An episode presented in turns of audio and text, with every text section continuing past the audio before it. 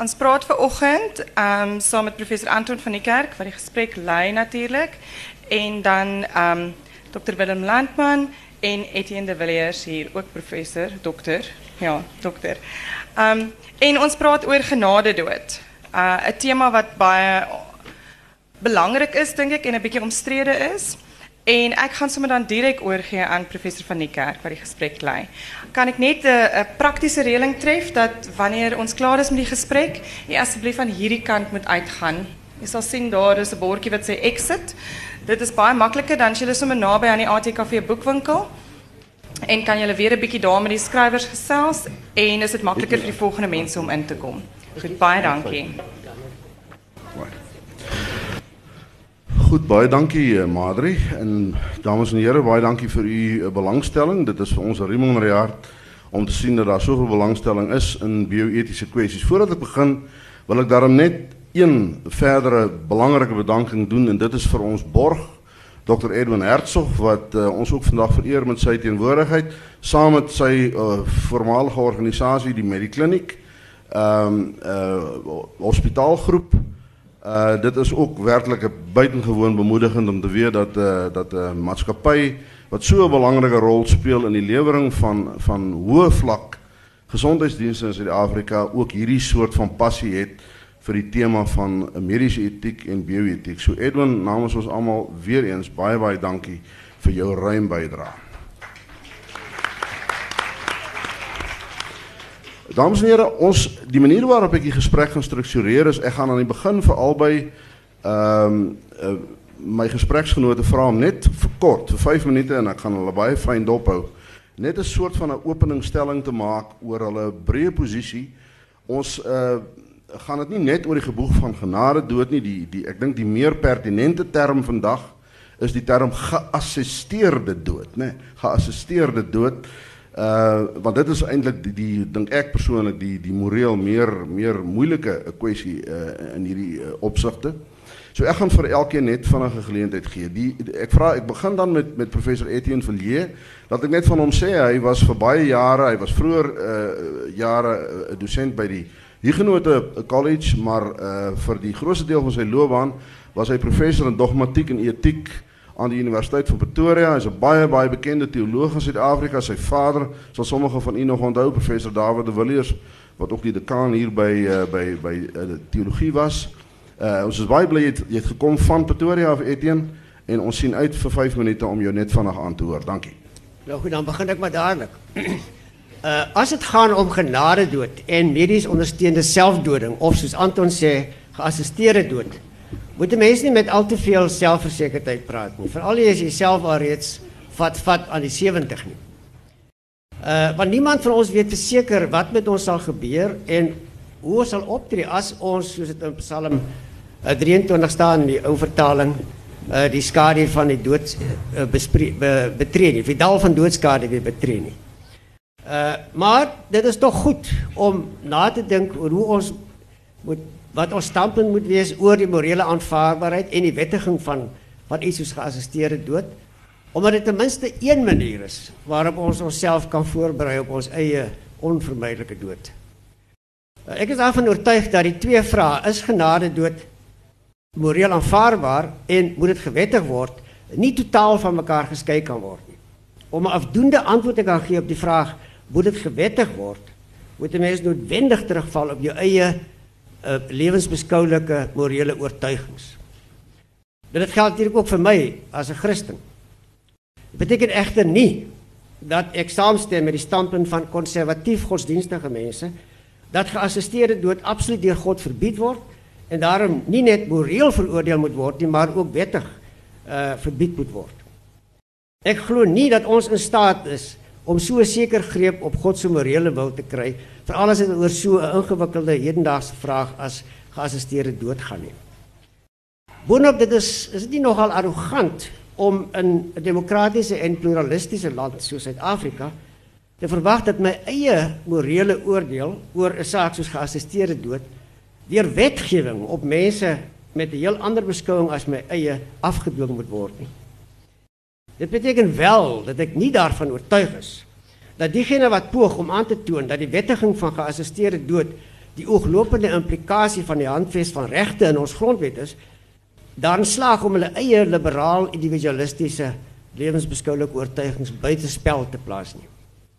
Van naderby beskou lyk dit al te veel of hulle menseregte soos die reg op lewe en die reg op menswaardigheid interpreteer in terme van hulle eie lewensbeskoulike oortuiging dat die autonomie van die individu geïnterpreteer as die individu se selfstandige bepaling van wat sy met haar eie lewe en liggaam doen die hoogste waarde is. Om my eie standpunt kortliks saam te vat, ek is van mening dat Christene 'n sterk morele voorbeeld teen genade dood en medies ondersteunde selfdoding behoort te hê, maar wel onder bepaalde omstandighede voorstanders van die staking van mediese behandeling in die geval van terminaal siek pasiënte behoort te wees. Alhoewel die 60 gebod jy mag nie doodslaan nie, nie as 'n absolute verbod op die doodmaak van mense beskou kan word nie.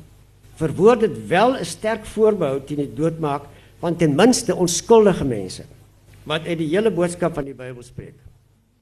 Een van die aspekte van die Bybelse boodskap wat hierdie voorbeeld steun is dat die lewe 'n gawe van God is. 'n Ander is dat God ons roep om in alle lewensomstandighede, ook in die laaste fase van ons lewens, daarna te streef om die morele implikasies van die Bybelse boodskap uit te leef. Ons het ook in die laaste fase van ons lewe 'n morele verantwoordelikheid. Ons is nie net slagoffers nie. Nog 'n ander is dat ons nie elkeen op 'n eiland op ons eiland op sy eie is wat volledig op onsself aangewys is om die storms van die lewe te deurstaan nie. Christene kan nie net vertrou op God se onderskraging in alle lewensomstandighede nie, maar behoort ook te kan reken op die ondersteuning van medegelowiges selfs in die lewens in die sterwensfase. En hulle het self natuurlik ook die verantwoordelikheid om terwyl hulle nog gesond is, naastes wat terminaal siek is, so goed hulle kan by te staan. Christene behoort dus nie 'n morele projek wat geassisteerde dood voorhou as 'n soort heilmiddel vir terminaal siek mense te ondersteun nie.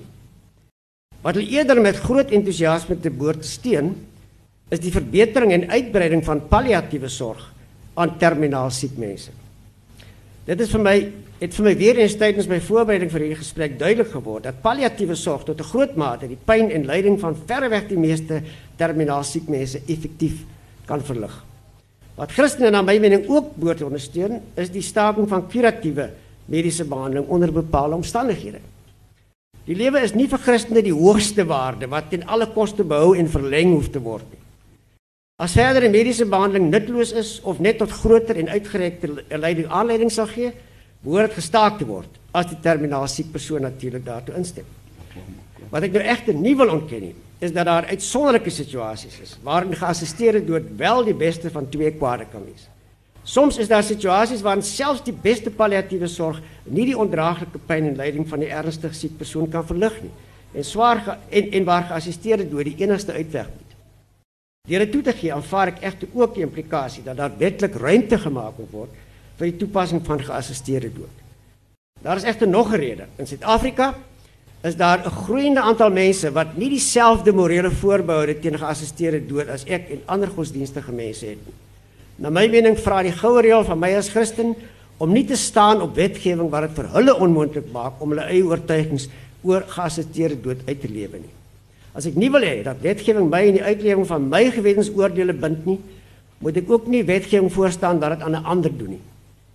daarmee word egter 'n hele nuwe stel vrae aan die orde gestel wat betrekking het op hoe geassisteerde dood in Suid-Afrika gewettig moet word. Hooplik kan ons in die res van die gesprek veel groter duidelikheid daaroor kry. Goed, baie dankie Etienne. Ehm um, uh, dan vra ek vir vir professor Willem Landman, laat ek net van hom sê hy's 'n uh, gevierde akademikus in Suid-Afrika wat vir 'n tyd lank in by East Carolina University in in die VSA ook 'n uh, eh, professor was. Uh, hy was ook professor by die UWK en by en by die Universiteit van Transkei en so meer. Maar sedert 2000 het hy teruggekeer Suid-Afrika toe en het hy beslag gegee aan een van die mees dinamiese organisasies rondom etiek en etiek bewusmaking in Suid-Afrika, naamlik die Ethics Institute of South Africa wat regtig 'n sieraad is uh, in terme van hoe dit vandag uh, figureer. Daarbij is Willem een van die uh, uh, meest prominente en meest gerespecteerde deelnemers aan die debat oor hierdie saak in Suid-Afrika. So Willem 5 minute vir jou ook. Baie dankie Anton. Uh, goeiemôre almal. Ehm ek gaan dit korter as 5 minute hou. Ehm eerstens eens oor definisies. As ons gepraat praat oor geassisteerde selfdood, bedoel ek twee goed en ons verstaan ons twee tipe praktyke daaronder. Die eerste is uh geassisteerde selfdood. Ons praat van geassisteerde dood, kan in die eerste instansie geassisteerde selfdood wees waar ehm die die mediese praktisyn verskaf die middele wat mense dan gebruik om selfdood te pleeg. En die tweede is uh wat in die wat genadedood is genadedood waar die laaste stap wat tot die dood aanleiding gee uh 'n handeling van van die mediese praktisyn is. En die twee saam uh onder die twee saam bestaan ons geassisteerde dood. Nou ek wil net twee kort punte maak. Eerstens is ons moet ons ons moet uh duidelik verstaan dat die een vlak van diskussie is die etiek of die moraliteit van geassisteerde dood. En die tweede vlak wat ek kortliks iets op teen uh in die laaste instansie sal sê is ons moet daar's wat uh, genoem kan word die etiek van die wettiging van geassisteerde dood. Nou daar is standaard argumente vir en teen. Ehm um, reg, dankie. Daar standaard argumente vir en teen uh geassisteerde dood. Standaard etiese of morele argumente. En ek sê kortliks 3 uh aan elke kant aanhaal. Die eerste is as ons die argumente teen geassisteerde dood uh bekyk. Die eerste is daar word gesê ons moenie we should not play God. Ons moenie God se uh, wat God se reg is vir onsself toe eie nie. En daaronder verstaan ek ons moenie self bepaal wat die wyse en die tyd van dood is nie.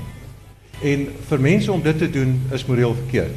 Die probleem daarmee is dat ons verskillende behandelinge as uh aanvaar as heeltemal eties korrek wat dieselfde uitwerking het.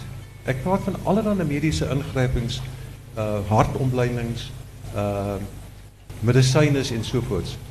Dit het die uitwerking daarop dat as jy tyd en die wyse van dood uitstel of wysig, ons het geen probleem daarmee. Hoekom sal dit 'n probleem in hierdie instansie wees wanneer dit gaan oor 'n geassisteerde dood? Die tweede teenargument is dat die professionele verpligtinge van mediese praktisyns, van dokters, kan tog nie wees om mense te help sterwe nie. 'n Dokter, mediese praktisyn is veronderstel om die lewe te red, te verleng en pyn pyn en lyding te verlig. Die probleem daarmee vir my is dat die aanname is dat ons vir ewig sal lewe. Daar kom 'n tyd in ons lewe dat dit naby die einde is en dat lyding ondraaglik mag wees. Party van ons sterf natuurlik sonder om enigstens lyding te hê. Uh plotseling. Maar daar kom het, ons ons lewe nie vir altyd nie. En dan dan moet 'n mens die verpligtinge van 'n dokter, van 'n mediese praktisyn in daardie konteks sien. Aan die einde van die lewe mag dit heeltemal in orde wees om te assisteer by die dood van 'n persoon. Ehm um, natuurlik sal ek as dit in wetgewing vasgelê word, sal jy moet 'n uh, 'n opsie gee aan dokters om op gewetensgronde te nie daaraan deel te neem nie. In die laaste baie vlugtig ons sal seker weer daarby uitkom en dit dit is dat hierdie praktyk as dit gewettig word as geassisteerde dood gewettig word kan dit tot misbruik lei nou my probleem daarmee is dat alle praktyke in die lewe het moontlike misbruike tot gevolg. Of ons 'n motor bestuur of ons aan sport deelneem wat ook al die geval is. Hoekom sou dit anders te wees? Ek dink die probleem ook hiermee is dat ons uh, geneig is om te kyk en sê die status quo wat geassisteerde dood uh kriminaliseer het geen misbruike nie. En die alternatief waar dit sou gewettig word, het mis, misbruike. Ek dink dit is nie so nie. Ek dink daar is in die huidige bestel verskillende misdrywe uh, of misbruik. Uh eens byvoorbeeld die onderbestuur van pyn. Ek kan op detail daarop ingaan as ons tyd het. Wat is die argumente daarvoor? Etienne daarna verwys en ek gaan dit net noem. Ek dink autonomie, ons maak ons eie keuses in die laaste instansie natuurlik met die behulp van ons familie en ons naasbestaandes. Maar wat is die probleem daarmee om 'n autonome keuse te maak as jy nie 'n ander uitweg sien nie? en dat jou familie daarmee saamstem, jou naastes daarmee saamstem en jou saamloop. So autonomie op die end is my eie keuse alhoewel ek in gesprek tree met die mense naaste aan my. Die tweede is leiding. Uh wat wat daarmee saamgaan. Daar is nie 'n verpligting op ons om te bly lewe of om te ly nie. As die enigste uitweg is dat die dood sal die einde aan lyding bring. Wat is die probleem daarmee? Is my retoriese vraag. En die laaste uh, uh, argument daarvoor is die ekwivalensie tussen praktyke wat ons reeds as moreel aanvaar uh praktyke wat ons reeds as, as moreel aanvaar soos die onttrekking en weerhouding van lewensondersteuning sogenaamde passiewe genadedood en ek kan geen morele verskil tussen passiewe genadedood en aktiewe genadedood of 'n uh, uh, ondersteunende selfdood sien nie. Daarop kan ons ook ingaan. En 'n laaste punt wat ek dan wil maak, waar ons al hierdie vers, morele verskille het as individue of as persone. Hoe ons in 'n land met mense met verskillende oortuigings en ons riglyn is die grondwet wat ook 'n etiese dokument is waarin regte verskant is, waarin waarde is, waarin 'n sekere gees uit uh, voorspruit. En ons moet ons gemeenereg rig volgens die grondwet. En dit het gebeur met terminasie van swangerskap met uh veel wybery met uh ander praktyke soos die afskaaf van die doodstraf. En ek kan net byvoeg ten slotte is dat 'n uh, ho uh, voormalige hoofregter regter Arthur Chaskel sin het gesê as dit kom by inter interpretasie van die grondwet is die bydrae van die publiek of die oortuigings van die publiek van baie beperkte waarde dat ons met die grondwet interpreteer en dit mag lei tot wettiging van uh, genadedood in dieselfde uh, in dieselfde wyse as um, byvoorbeeld die beëindiging van swangerskap. Baie baie dankie Willem. Ag dames en here, mag ek net vriendelik tog maar net vra oor die selfone as jy nie nie. Seker te maak dat hulle almal af is. Dit spyt my, ek weet nie wat se lawaai hier agter was nie. Dis buite ons beheer. Terwyl jy dit nou geopper het Willem, een van die uh, belangrike kwessies wat waarvoor baie mense pleit uh, pleidooi lewer dat die sake moet verander in Suid-Afrika het te maak met die aktiewe geassisteerde uh aktiewe geassisteerde dood. Uh op die oomblik is dit nie uh, problematies in Suid-Afrika vir 'n dokter soos ons weet wanneer die sterwingsproses skynbaar onomkeer onomkeerbaar ingetree het om byvoorbeeld 'n ventilator af te skakel nie. Die issue gaan veel meer oor of 'n mens aktief deur byvoorbeeld die toediening van 'n middel en so meer iemand moet help om te sterf. Nou uh hierdie onderskeiding word dikwels genoem die verskil tussen sogenaamde aktiewe en passiewe genadedood. En die vraag is is daar moreel gesproke 'n wesenlike verskil tussen tussen die twee uh handelinge, sou jy sê? Anton, ek kan nie uh, sien hoe daar in die algemeen dat jy twee klasse handelinge sien. Die een is aktiewe, kom ons noem dit nou maar kortweg aktiewe genadedood en die ander passiewe genadedood. Dat daar twee klasse is sodanig dat die een altyd slegter as die ander is of die een het 'n morele probleem en die ander nie, naamlik dat passiewe genadedood is moreel in orde en aktiewe genadedood is nie. Um 'n handeling waarvoor ons verantwoordelikheid neem, kan 'n doen of 'n late wees in Engels 'n act of an omission. Jy oorweeg redes vir jou vir jou handeling. Jy maak uh, 'n besluit. Die besluit wat uh, voer jy uit of jy nou passief terugstaan of aktief iets doen. Die besluit, die, die handeling het gevolge. Daar is sekere motiewe op die spel, daar is sekere intensies op die spel. En wat beoordeel moet word is hierdie komponente van die handeling wat of 'n doen of 'n late kan wees. So ek uh, 'n kort antwoord sal wees, ek kan nie 'n algemene verskil tussen die twee sien nie. Tevens ek kan sien dat sekere gevalle van aktiewe genadedood is miskien moreel meer problematies as passief en andersom. Maar ek algemene verskil bloot om te sê aktief of passief. En net kortliks, dit is natuurlik as ons van aktief en passief praat, is dit uit die oogpunt van die persoon wat doodgaan of wat die versoek rig. Uh terwyl ons van uh, wanneer dit kom by die keuse uh, uh, uh, uh, of ja, ja maar aktief of passief is is is is die mediese praktisyn ja. se aktief of, of passief. En wanneer ons by keuse kom, is dit van die pasiënt, vrywillige keuse of nie vrywillige keuse. Of jy nou aktief of passief sterf, jy sterf. Uh Etienne, hoe hoe dink jy hieroor? Wel, uh, om self dood te gaan of doodsgemaak te word is tog twee verskillende dinge. Ek bedoel uh in die geval van ek ek eerstens ek hou van die onderskeid tussen 'n uh, en passiewe genade dood nie. Ek dat deesdae word ook al minder die onderskeid gebruik. Dit is genadedood word ge, eh, word gebruik vir wat aktiewe genadedood ge, genoem was. Terwyl staking van mediese behandeling is die term wat verreweg die meeste gebruik word deesdae. Uh en ek dink die, die verreweg die meeste gevalle is dit in die geval van die staking van mediese behandeling tog die siekte wat die persoon doodmaak. Die primêre oorsaak. Hoe kan jy sê daar's 'n sekondêre rede ook jy kon ingegryp het om die persoon bietjie langer te laat lewe, maar jy kon nie kan nie die persoon red nie. Die verskil is dat tussen 'n persoon wat sê langs 'n swembad 'n kind wat daar inval kan red en dit nie doen nie. En in hierdie geval is dat die persoon kan nie kind red sy lewe red, maar jy kan nie deur 'n verdere mediese behandeling iemand se lewe red nie. Hy gaan in elk geval dood net. Jy kan net alleen sy sy lyding uitstel. So ek persoonlik dink in die geval van 'n staking van mediese behandeling in verreweg die meeste gevalle is die die siekte die oorsaak in die geval van genadedood is die primêre oorsaak menslike optrede. Ek erken daar is grensgevalle soos in die geval van vegetatiewe iemand in 'n uh, voortdurende vegetatiewe staat. As jy dan die buis sou ontneem, is dit nou staking van mediese behandeling of is dit iemand te laat doodgaan van honger?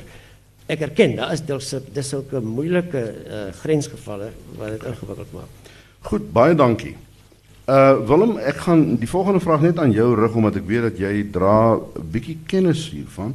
Ek ek dink dit is nou skieurig om te weet is daar enige betroubare aanduiding van wat die houding van Suid-Afrikaners in die algemeen of bepaalde groepe dan oor hierdie saak is, sinema groepe soos gesondheidswerkers. Is daar enige empiriese data hieroor beskikbaar? Anton in die uh, wat die algemene houding van Suid-Afrikaners of Suid-Afrikaners in die algemeen betref, is daar nie betroubare data nie. Daar's anekdotiese data. Jy kry byvoorbeeld Robinson regstreeks is daar 'n program en dan moet mense inbel en dan is daar 96% ten gunste van uh geassisteerde self geassisteerde dood in albei sy forme. Uh en dan daar daar was daar was laas maand weer eene en en uh waarin uh, daar 'n debat oor die hospice beweging was. So jy kry oorweldigend op 'n sekere ekonomiese straat daar jy anekdotiese getuienis uh daarvoor dat dat uh mense grootliks daarvoor is. Ek het ek is seker oor 22 25 jaar radio en televisie kom ek beslis agter as ek selfs in Pretoria op 'n baie konservatiewe plaaslike ehm radiostasie optree is, is is die meerderheid van mense simpatiek daar daarteenoor. Wat spesifieke uh, uh, data betref, net kortliks, ons het 'n opname gedoen onder ehm um, professore en personeel van die mediese skole by die Universiteit van Pretoria en die Universiteit van die Vrystaat en ek uh, verskillende data gekry. Uh, Byvoorbeeld sal hulle ehm um, is hulle ten gunste van die wettiging en uh, weet van uh, uh, beide selfdood en genade dood.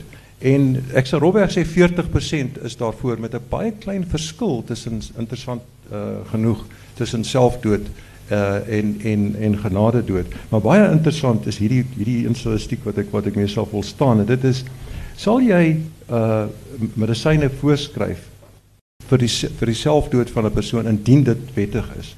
Dan is die antwoord 27% sê nou onthou dis mense wat nie almal met uh terminale pasiënte en sterwende pasiënte werk nie. Dis oor die hele spektrum van die mediese skool. 27% sê ja, 16% ons onseker. So daai kategorie is 43%. Maar vra jy vir hulle sal jy dit vir jouself voorskryf? Dan verander dit na 43 en 20% totaal van 63%. So as hulle eie pyn en lyding op die spel is, gaan dit met 20% op. Ja. En daarbij zou dit natuurlijk een interessante vraag wees tot watter mate die ehm um, diegene wat daar teen is, daar teen is omdat hulle bang is vir vir vervolging. Uh eerder as as wat dit werklik is uit uit uit 'n diep gegronde morele oortuiging. Dit kry beslis by die onderbehandeling van pyn word vir ons ja. dat die rede hoekom dit is is dat dit uh ons ons weet nie wat se uh, wetlike optrede daarteen ja. sal wees nie, uh, aksies Goed. Nie. Baie dankie daarvoor. Uh is is as ek so 'n bietjie aan die haastiger kant is, ons het 'n hele aantal vrae en ek wil baie graag as dit moontlik is ook nog later vir die gehoor 'n geleentheid gee vir een of twee vrae. Nou Etienne as ons ehm um, uh, ja, laat ek dit liewer anders om begin. Een van die van die uh Thai toffies in in hierdie debat het ook te maak met die vraag Indien 'n mens hipoteties nou 'n stelsel sal kry wat geassisteerde dood in die aktiewe sin moontlik maak.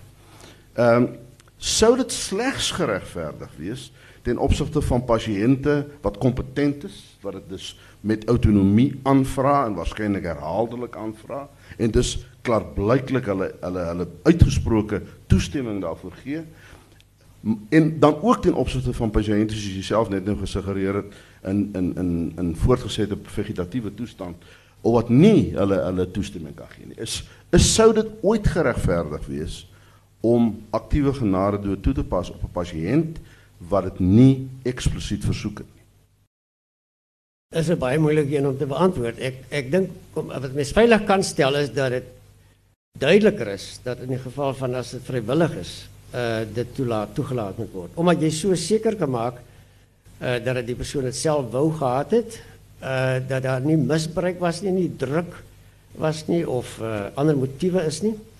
En dan ook die ander die ander probleem van wat nou soms genoem word van die slippery slope tipe argument. Ek bedoel die punt is Bijvoorbeeld, in, in Nederland wordt, wordt uh, actieve geassisteerde dood ook op, op mensen met Alzheimer, dementia. Uh, uh, niet eens Alzheimer, nee, dementia toegepast. Als die persoon vooraf bepalen dat hij je weet, het, uh, een toekomstdirectief gegeven uh, met andere woorden, waar, waar eindigt het precies? En in Nederland wordt het ook toegepast op, op pasgeboren babas wat, uh, wat, uh, wat gestremd is, ernstig gestremd is. So die probleem met as jy nie dit vrywillig maak nie is uh is dit en my vraag is of dit nie as ons dit dan toelaat wetlik of dit nie 'n veilige manier is om te begin.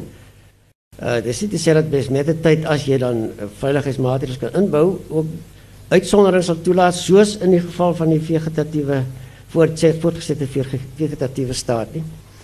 Uh of nie aanvanklik beter sou wees om dit slegs toe te laat as dit vrywillig is nie. Uh, Willem, jy idees hieroor? Baie kortliks, ehm um, eties moreel gesproke sal ek sê ek kan sekere gevalle verdedig sonder 'n probleem. Maar om dit te wette gaan baie meer problematies wees as die wette wet uh, wat op die oomblik voorsien word vir wetgewing wat in die konsep wetgewing is van die Suid-Afrikaanse Regsdienskommissie is. Daar's twee tipe gevalle. Die een is 'n uh, pasgebore babas wat nooit voorheen kompetensie gehad het nie. Nou Dis waar dit byvoorbeeld in Holland oorweeg sal word. Ehm um, hulle was nooit voorheen het die vermoë gehad om 'n om 'n om 'n versoek of 'n wens uit te spreek nie. Nou moet hulle net gelaat word om dood te gaan as bevat dit 2 weke uh onttrek jy kos en water en voort. Moet hulle net toegelaat word om te sterf. Dan kom jy aktief in die passief verskil in. Wat is wat is die verskil? Jy maak 'n besluit. Jy jy behandel nie die baba om die baba so so lank as moontlik te leef nie. Wat is die verskil tussen 'n inspuiting gee, dit klink krie, maar inspuiting gee en die baba oor 2 weke te laat sterf. Die tweede tipe geval is pasiënte wat voorheen natuurlik kompetent was wat wat het jy nou praat en en wat nie 'n wens uitgespreek het nie. Ehm um, ek kan dat ek net daarmee volstaan, ek kan aan gevalle dink waar ek dit eties sou regverdig, maar om dit in wetgewing vas te vat gaan baie meer problematies. Jy bedoel nou as jy sê dit, dan bedoel jy om om dit te doen sonder die die pasiënt korrek se toestemming. Goed. Baie dankie. Willem het net nou verwys na die baie belangrike probleem van die vrees dat so 'n praktyk van geassist aktiewe geassisteerde dood misbruik sal kan word. Ek wil nou begin by Etienne om hom 'n geleentheid te gee om 'n bietjie uh, daaroor te praat. Wat byvoorbeeld van die vrees dat vanweë die enorme koste van veral intensiewe sorgversorging vir sterwendes. Daar ewige druk kan wees op mense wat sodanige sorg nie eintlik kan bekostig nie om geassisteerde dood te aanvaar. En dan veral natuurlik in 'n land soos Suid-Afrika met ons geweldige kloof tussen tussen ryk en arm. Het jy net jy idees daaroor? Uh, ek dink uh, dis baie moeilik om waarskynlik misbruik volledig uit te skakel. Ek bedoel dit is uh uh soos byvoorbeeld die die geweldige koste wat er sprake is, die finansiële las wat dit op familie plaas wat agterbly. Uh die las wat dit in elk geval aan versorging en tyd uh, aandag vra. Is nog motiewe wat 'n mens nooit volledig sou kan uitskakel nie. Uh maar ek dink as die as 'n mens so bepaal eerstens dat dit vrywillig is. Ten minste kan jy is daar maniere om seker te maak dat dat ander vorme van druk nie eintlik die belangrikste faktor was nie. En daarom is natuurlik ook vooraf gesprekke uh bitter ja. nodig om dit seker te maak dat dit die geval is. En ek sou 'n tweede veiligheidsmaatreël sou sê, as jy aanvanklik sou sê dat dit alleen vir mense wat uh, merkbaar fisies ondraaglik uh, ly en pyn verduur en palliatiewe sorg kon dit nie bestry nie, dan het jy 'n soort objektiewe maatstaf om te kan sien dat dit tog vanuit 'n mediese perspektief ook die beste van uh, ja. uitweg is.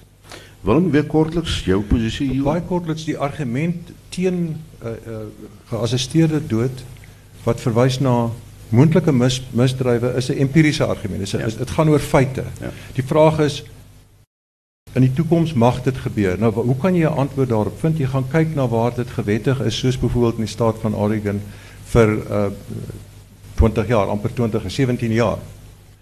En jy kyk na die statistieke waar hulle die beheer uh, op baie volgens baie streng liglyne toegepas word en daar 'n audit elke jaar plaasvind. Daar word 'n jaarverslag na word die uh, vrygestel na word die strategie herbedink. En as ons na daardie statistieke kyk, dan het ons werklik nie uh rede tot kommer nie. Soveel so dat die Amerika dat die Kanadese Hooggeregshof presies 'n maand gelede op 6 Februarie besluit het 9 teen 0 om die parlement te versoek om wetgewing te passeer terwyl hulle 22 jaar gelede 4 teen 5 verloor het en een van die hoofredes wat hulle aangevoer het is juis dat ons het nou statistieke wat bewys dat indien dit onder kontrole toegepas word hierdie vrese wat ons het nie bewaarheid word nie. Goed, wat uh, ek wil ek wil vir 'n oomblik by Willem bly wat my baie opval van die dinge wat ek van jou lees in die, in die jongste tyd in terme van jou eie argumente is jou toenemende beklemtoning van die relevantie van die Suid-Afrikaanse grondwet in hierdie debat. Dit dit uh, dit bring 'n dimensie sedert 1996 wat daar vroeër glad nie in die debat was nie. Uh, verduidelik vir ons net 'n bietjie hoekom dit so beduidend is. Kyk, ek dink die die die die die uniekheid van ons grondwet of is is onder meer dat daar 'n handves van menseregte is, 'n Bill of Rights daarin. So die grondwet is nie net 'n droë uh wetlike dokumente wet nie. Dit is dit stel as dit ware die raamwerk uh dit dit uh, dra 'n sekere gees oor dit uh, daar is sekere regte daarin verskans wat sê op hierdie grondslag wil ons ons samelewing bou. Dit is as dit ware 'n ooreenkoms wat ons bereik het. Nou goed, ons het nie almal daaroor gestem maar daar is 'n sekere proses gevolg waarin verskillende mense bymekaar gekom het en gesê dit is die grondslag waarop ons ons samelewing 'n goeie samelewing wil bou wat goed is vir individue en kollektief goed is. En ek dink Dit is die riglyn wat ons moet gebruik om onderlinge verskille te besleg. Dat ons kom met verskillende persoonlike oortuigings. En die grondwet sal beslis of wat een persoon wil uitvoer en wat ek nie van hou nie of daardie uh, uh, moontlikheid van 'n uh, sekere handeling of dit nou Zuma se vier vrouens is of ek nou daarvan hou of nie, hy is volgens die grondwet geregtig om dit te doen. En die grondwet het sekere onderliggende soliede waardes. En ons op dieselfde basis wat ek wil sê moet ons na 'n praktyk soos ehm um, uh, geassisteerde dood kyk. En dieselfde wat gebeur het met uh terminasie van swangerskap. Om die waarheid te sê om geassisteerde dood te regverdig in terme van die grondwet en moreel gesproke is vir my baie makliker en en en baie meer oortuigend as uh as as terminasie van swangerskap. Wil jy iets toegevoeg het? Ja, ek ek dink as 'n verskil te sê dat eh uh, sekere regte kan beperk word. Eh uh, uh, byvoorbeeld dat hier 'n groter kwaad is as uh, byvoorbeeld in die geval van geassisteerde dood as eh uh, as iets soos die reg op lewe of so dat eh uh, die pyn en die lyding kan so erg wees dat die dit die beste van twee kwade kan wees om om genade dood toe te pas. Maar om te wat is nie kan argumenteer nie is om te sê die grondwet self positief sê vir ons dat ja. genade dood is die is 'n antwoord. En daar is sommige wat so argumenteer deur byvoorbeeld waardigheid interpreteer as die vermoë tot selfbepaling. Dan dan raak natuurlik dit iets wat minder kan word, né? Nee? Met ander woorde as ek as 'n siekte my my vermoë om myself te bepaal erodeer, dan raak my waardigheid minder en dan kan ek ook sê maar ek wil nie meer die lewe hê nie. Terwyl dit nog lyk like dit vir my redelik 'n stryd was soos dit verstaan is waardigheid deur al die eeue as iets wat inherent aan elke mens is. Uh ook 'n persoon met Alzheimer. Uh die stoïsyne het so gesien dat en die Christelike tradisie het so gesien dat ek ek is bang dat 'n mens kan sê waardigheid is iets wat jy kan verloor. Die reg op waardigheid is iets wat jy kan verloor. Anders kan ek vinnig Ja, daarop. Ek ek dink is wat Etienne aanhaal is is is baie belangrik. Jy weet een die fundamentele regte in die grondwet is die reg op lewe en ek dink ons moet dit wat ek daaronder verstaan is die reg om nie doodgemaak te word nie. Dis nie die reg dat ek moet 'n lewe gegee word as dit ware. Nou goed, dis iets anders as gesondheidsorg. Mense kan argumenteer dat uh, in 'n in 'n beskaafde land moet daar 'n reg op gesondheidsorg wees. Jy moet natuurlik die vlak bepaal. Maar die reg op lewe beteken nie ander moet vir my 'n lewe gee nie. Dit is dat ek het 'n reg om nie doodgemaak te word nie. Maar ek kan daardie reg ophef vir myself. En uh, ek kan sê in hierdie omstandighede is daar geen verpligting op my nie. Ek wil hierdie reg nie uitoefen nie. Ek het aan die einde van my lewe gekom. Die kwaliteit van my lewe is sodanig. En uh ek het nie ek is nie onder verpligting om te leef nie. Nou alle regte kan in spesifieke omstandighede getroef word deur ander regte en ek dink hierdie is die omstandighede waar ons kan praat wat die omstandighede presies is waar ons kan sê dat die reg op lewe kan getroef word deur die reg op menswaardigheid, uh sekuriteit van die persoon en sovoorts en sovoorts. Een van die uh dinge wat ek persoonlik nou ook nie heeltemal goed verstaan in Suid-Afrika spesifiek nie is waarom hier nie iets meer gebeur nie. Waarom veral die regering uh nie iets meer hiervan maak nie. Ons is ek dink die meeste van julle is waarskynlik bewus van 'n uitstekende verslag wat die regskommissie uh, van Suid-Afrika in 1998 die lig laat sien het waarin uh allerhande baie interessante voorstelle gemaak is met met opsies wat ook nie noodwendig altyd aan voorkeur gegee is nie. Dis 'n baie goeie verslag. Meeste van ons wat by hierdie saak betrokke was, was betrokke by op een of ander manier by hierdie verslag. Hy's ingehandig in die parlement en hy lê sedert 1998 in stofvergader daar. My vraag is hoekom? Net kortliks, so wat sou julle raaiskote wees? Van hoekom raak die regering nie met 'n tang verder aan daai verslag? Wel, ek ek probeer maar raai. Ek dink een is waarskynlik dat dit op daardie stadium nie as 'n prioriteit gesien is nie. Ja. Uh uh vir die nuwe regering nie wat uh transformasie en alles so sulke dinge moes moes bewerkstellig. Ek dink 'n tweede rede is dat uh, ek dink nie ons kan dit is ontken kan ontken word dat in die swart kultuur dink ek daar nie vreeslike animo vir vir genade dood is nie. En waarskynlik is so 'n weerstand daarteen teen die gedagte. Uh en ek dink ook 'n derde rede kan dalk wees dat die dat die dat die regskommissie se verslag skien eintlik duidelike riglyne van wat moet gedoen word. Nee, gee twee opsies. Ja. En dan weer twee subopsies van die dat die die uh, posisie moet gehandhaaf word, die regsposisie gehandhaaf word of jy moet dit dan wettig uh, die genade dood, assisteer dood. Ja. En dan gee jy twee subopsies. So ek sou dit sou beter wees as die kommissie 'n duidelike saak uitmaak vir bepaalde opsies wat hy kies. Goed. Uh, Willem, jy? Net net vinnig, ek stem jou saam Anton, dit is dit is dit is 'n fenominale verslag. Uiteindelik twee verslae gewees, baie deelname, internasionale situasie ontleed, Suid-Afrikaanse situasie ontleed. Dit is polities korrek want dit is aangevra deur president Mandela oor om om 'n lewende testament te ondersoek en hy het gesê natuurlik op op aanbeveling om alle besluite rondom die uh, rondom die dood te te oorweeg. So daar daar's geweldig dit jy weet ook konsepwetgewing wat duidelik voorskryf nie net vir genade dood en en geassisteerde dood nie, maar ook pynbestuur en sovoorts en. So is 'n omnibus wetgewing.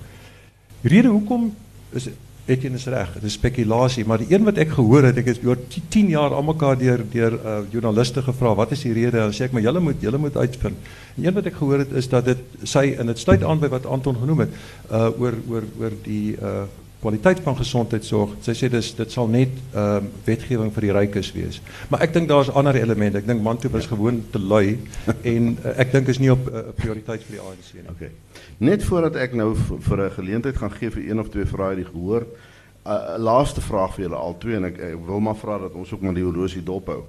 Indien geassisteerde dood dan gewettig word in Suid-Afrika, onder watter voorwaardes? Uh, as jy vinnig vir my kan sê wat jy dink die belangrikste voorwaardes is. Eten jy? Wel ek sou ek sou wou sê op aanvanklik dink ek definitief alleen vrywillige uh uh genade dood. Uh, tweedens aanvanklik uh waar daar 'n onomkeerbare en ondraaglike fisiese pyn en lyding aanwesig is. Dit hoef nie noodwendig net in die terminaal siekfase te wees nie. Uh en en ek dink ook dat daar baie seker gemaak moet word dat uh dat so 'n persoon natuurlik dit wil doen. Uh ek dink ook dat die kwestie van van een toekomstdirectief is belangrijk in die verband, omdat daar grensgevallen kan wees, soos bijvoorbeeld personen wat onder pijnmiddels is en dan die mekaar is en niet kan zelf dan zeggen wat hij wil niet. Ja. Helpt dit natuurlijk als je vooraf weet dat uh, die persoon wil gaan. Willem?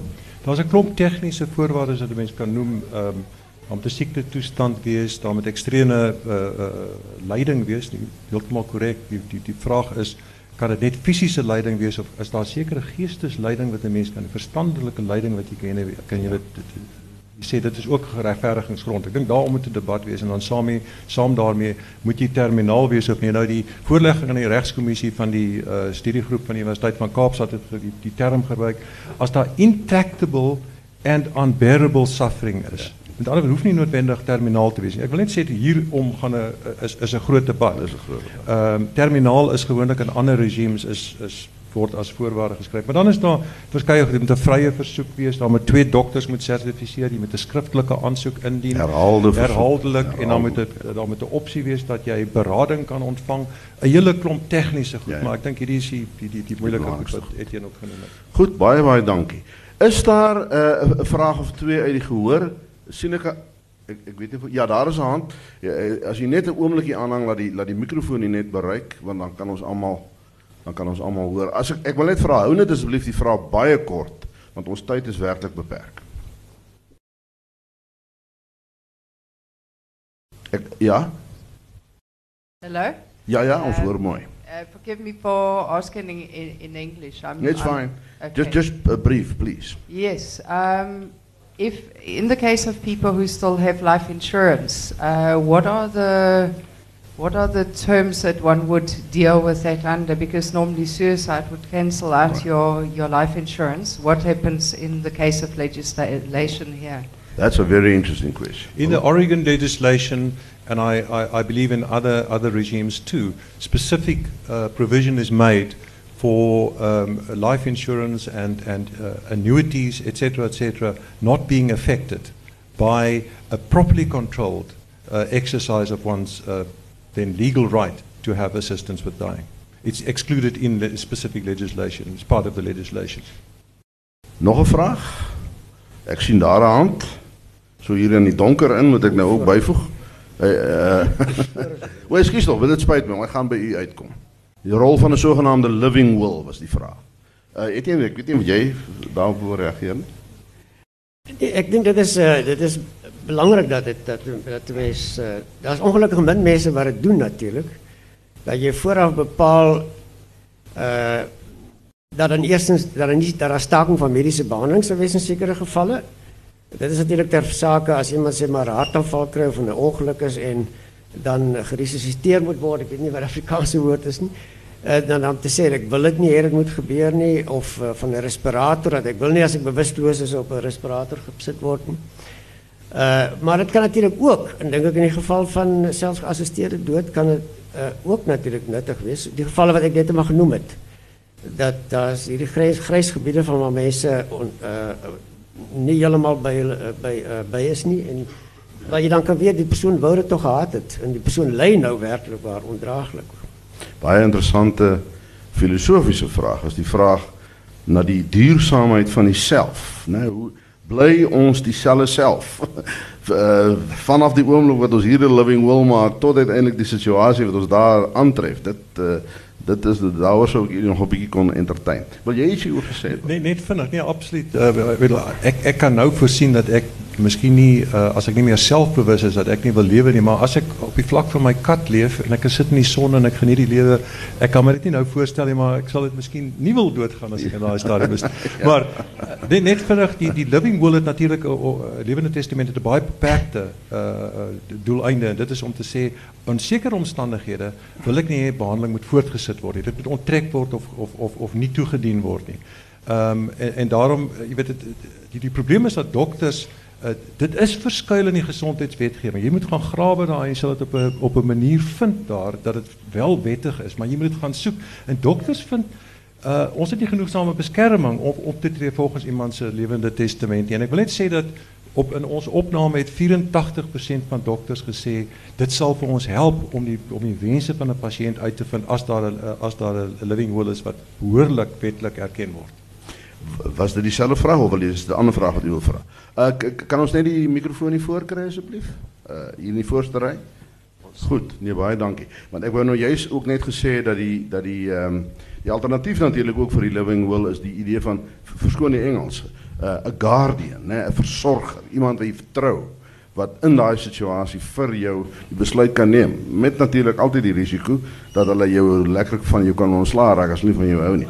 Uh, maar waarom moet jy dan Ek net sê dis 'n belangrike punt wat Anton maak uh, dat uh, as 'n living will het 'n beperkte uh, beperkte reikwydte of 'n beperkte in, intensie.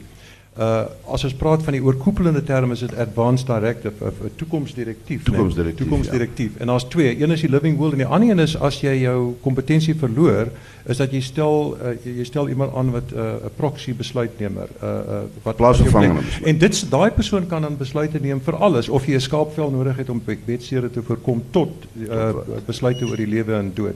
So hy het 'n baie wyeer reikwyte. So gewoonlik as ons oor advanced directives praat is al twee hier op die op die spel. Maar ek stem ek stem met u saam, twee dokters in alle wetgewing onafhanklik van mekaar met sekere determinasies as 'n voorsorgmateriaal maak. Madri, waar waar is jy? Uh, het ons nog tyd? Of moet ons nou klaarmaak? Nog net 1 minuut. Uh is daar is daar 'n laaste vraag wat ons Ja, ek sien hier staan. Ekskuus tog meneer as uh, uh, uh, ek kan ook nie sien of dit meneer of mevrou is nie. Uh ja, hierso er is mevrou, dink ek ja. Ekskuus, dit is vreeslik in die donker en wat 'n mens kyk. Ons sit met die mediese mag en die mediese etiek. En ek dink dat die mag enorm groot is en dat die etiek daardoor baie keer op die agtergrond geskuif word. Ehm um, as ons byvoorbeeld dink, wat doen antibiotika aan 'n persoon? Moet ons regtig iemand wat in die 90 is en longontsteking kry, moet ons hom antibiotika gee? Ek dink die dokter is gewoond om dit te doen, maar is dit regtig die wil van die pasiënt? Goed, uh, is daar iemand wil? Het moet Net kortliks asseblief. Dit is 'n baie goeie uh, voorbeeld wat jy noem van longontsteking. Dit is vroeër uh, old man's comfort genoem, die maklikste manier om dood te gaan.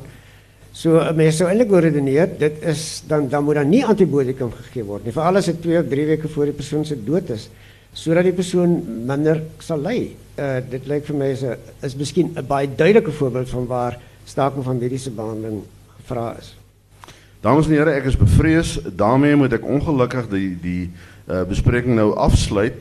Ek wil vir ons twee deelnemers werklik baie dankie sê. U sien uh hoe ons dit gereël het. Hulle is ook nie mense wat oor alles met mekaar saamstem nie, maar hulle is uitstekende voorbeelde daarvan van mense wat oor belangrike goed kan verskil wat in 'n in 'n openhartige en 'n rasionele en 'n 'n beskaafde gesprek met mekaar kan gaan.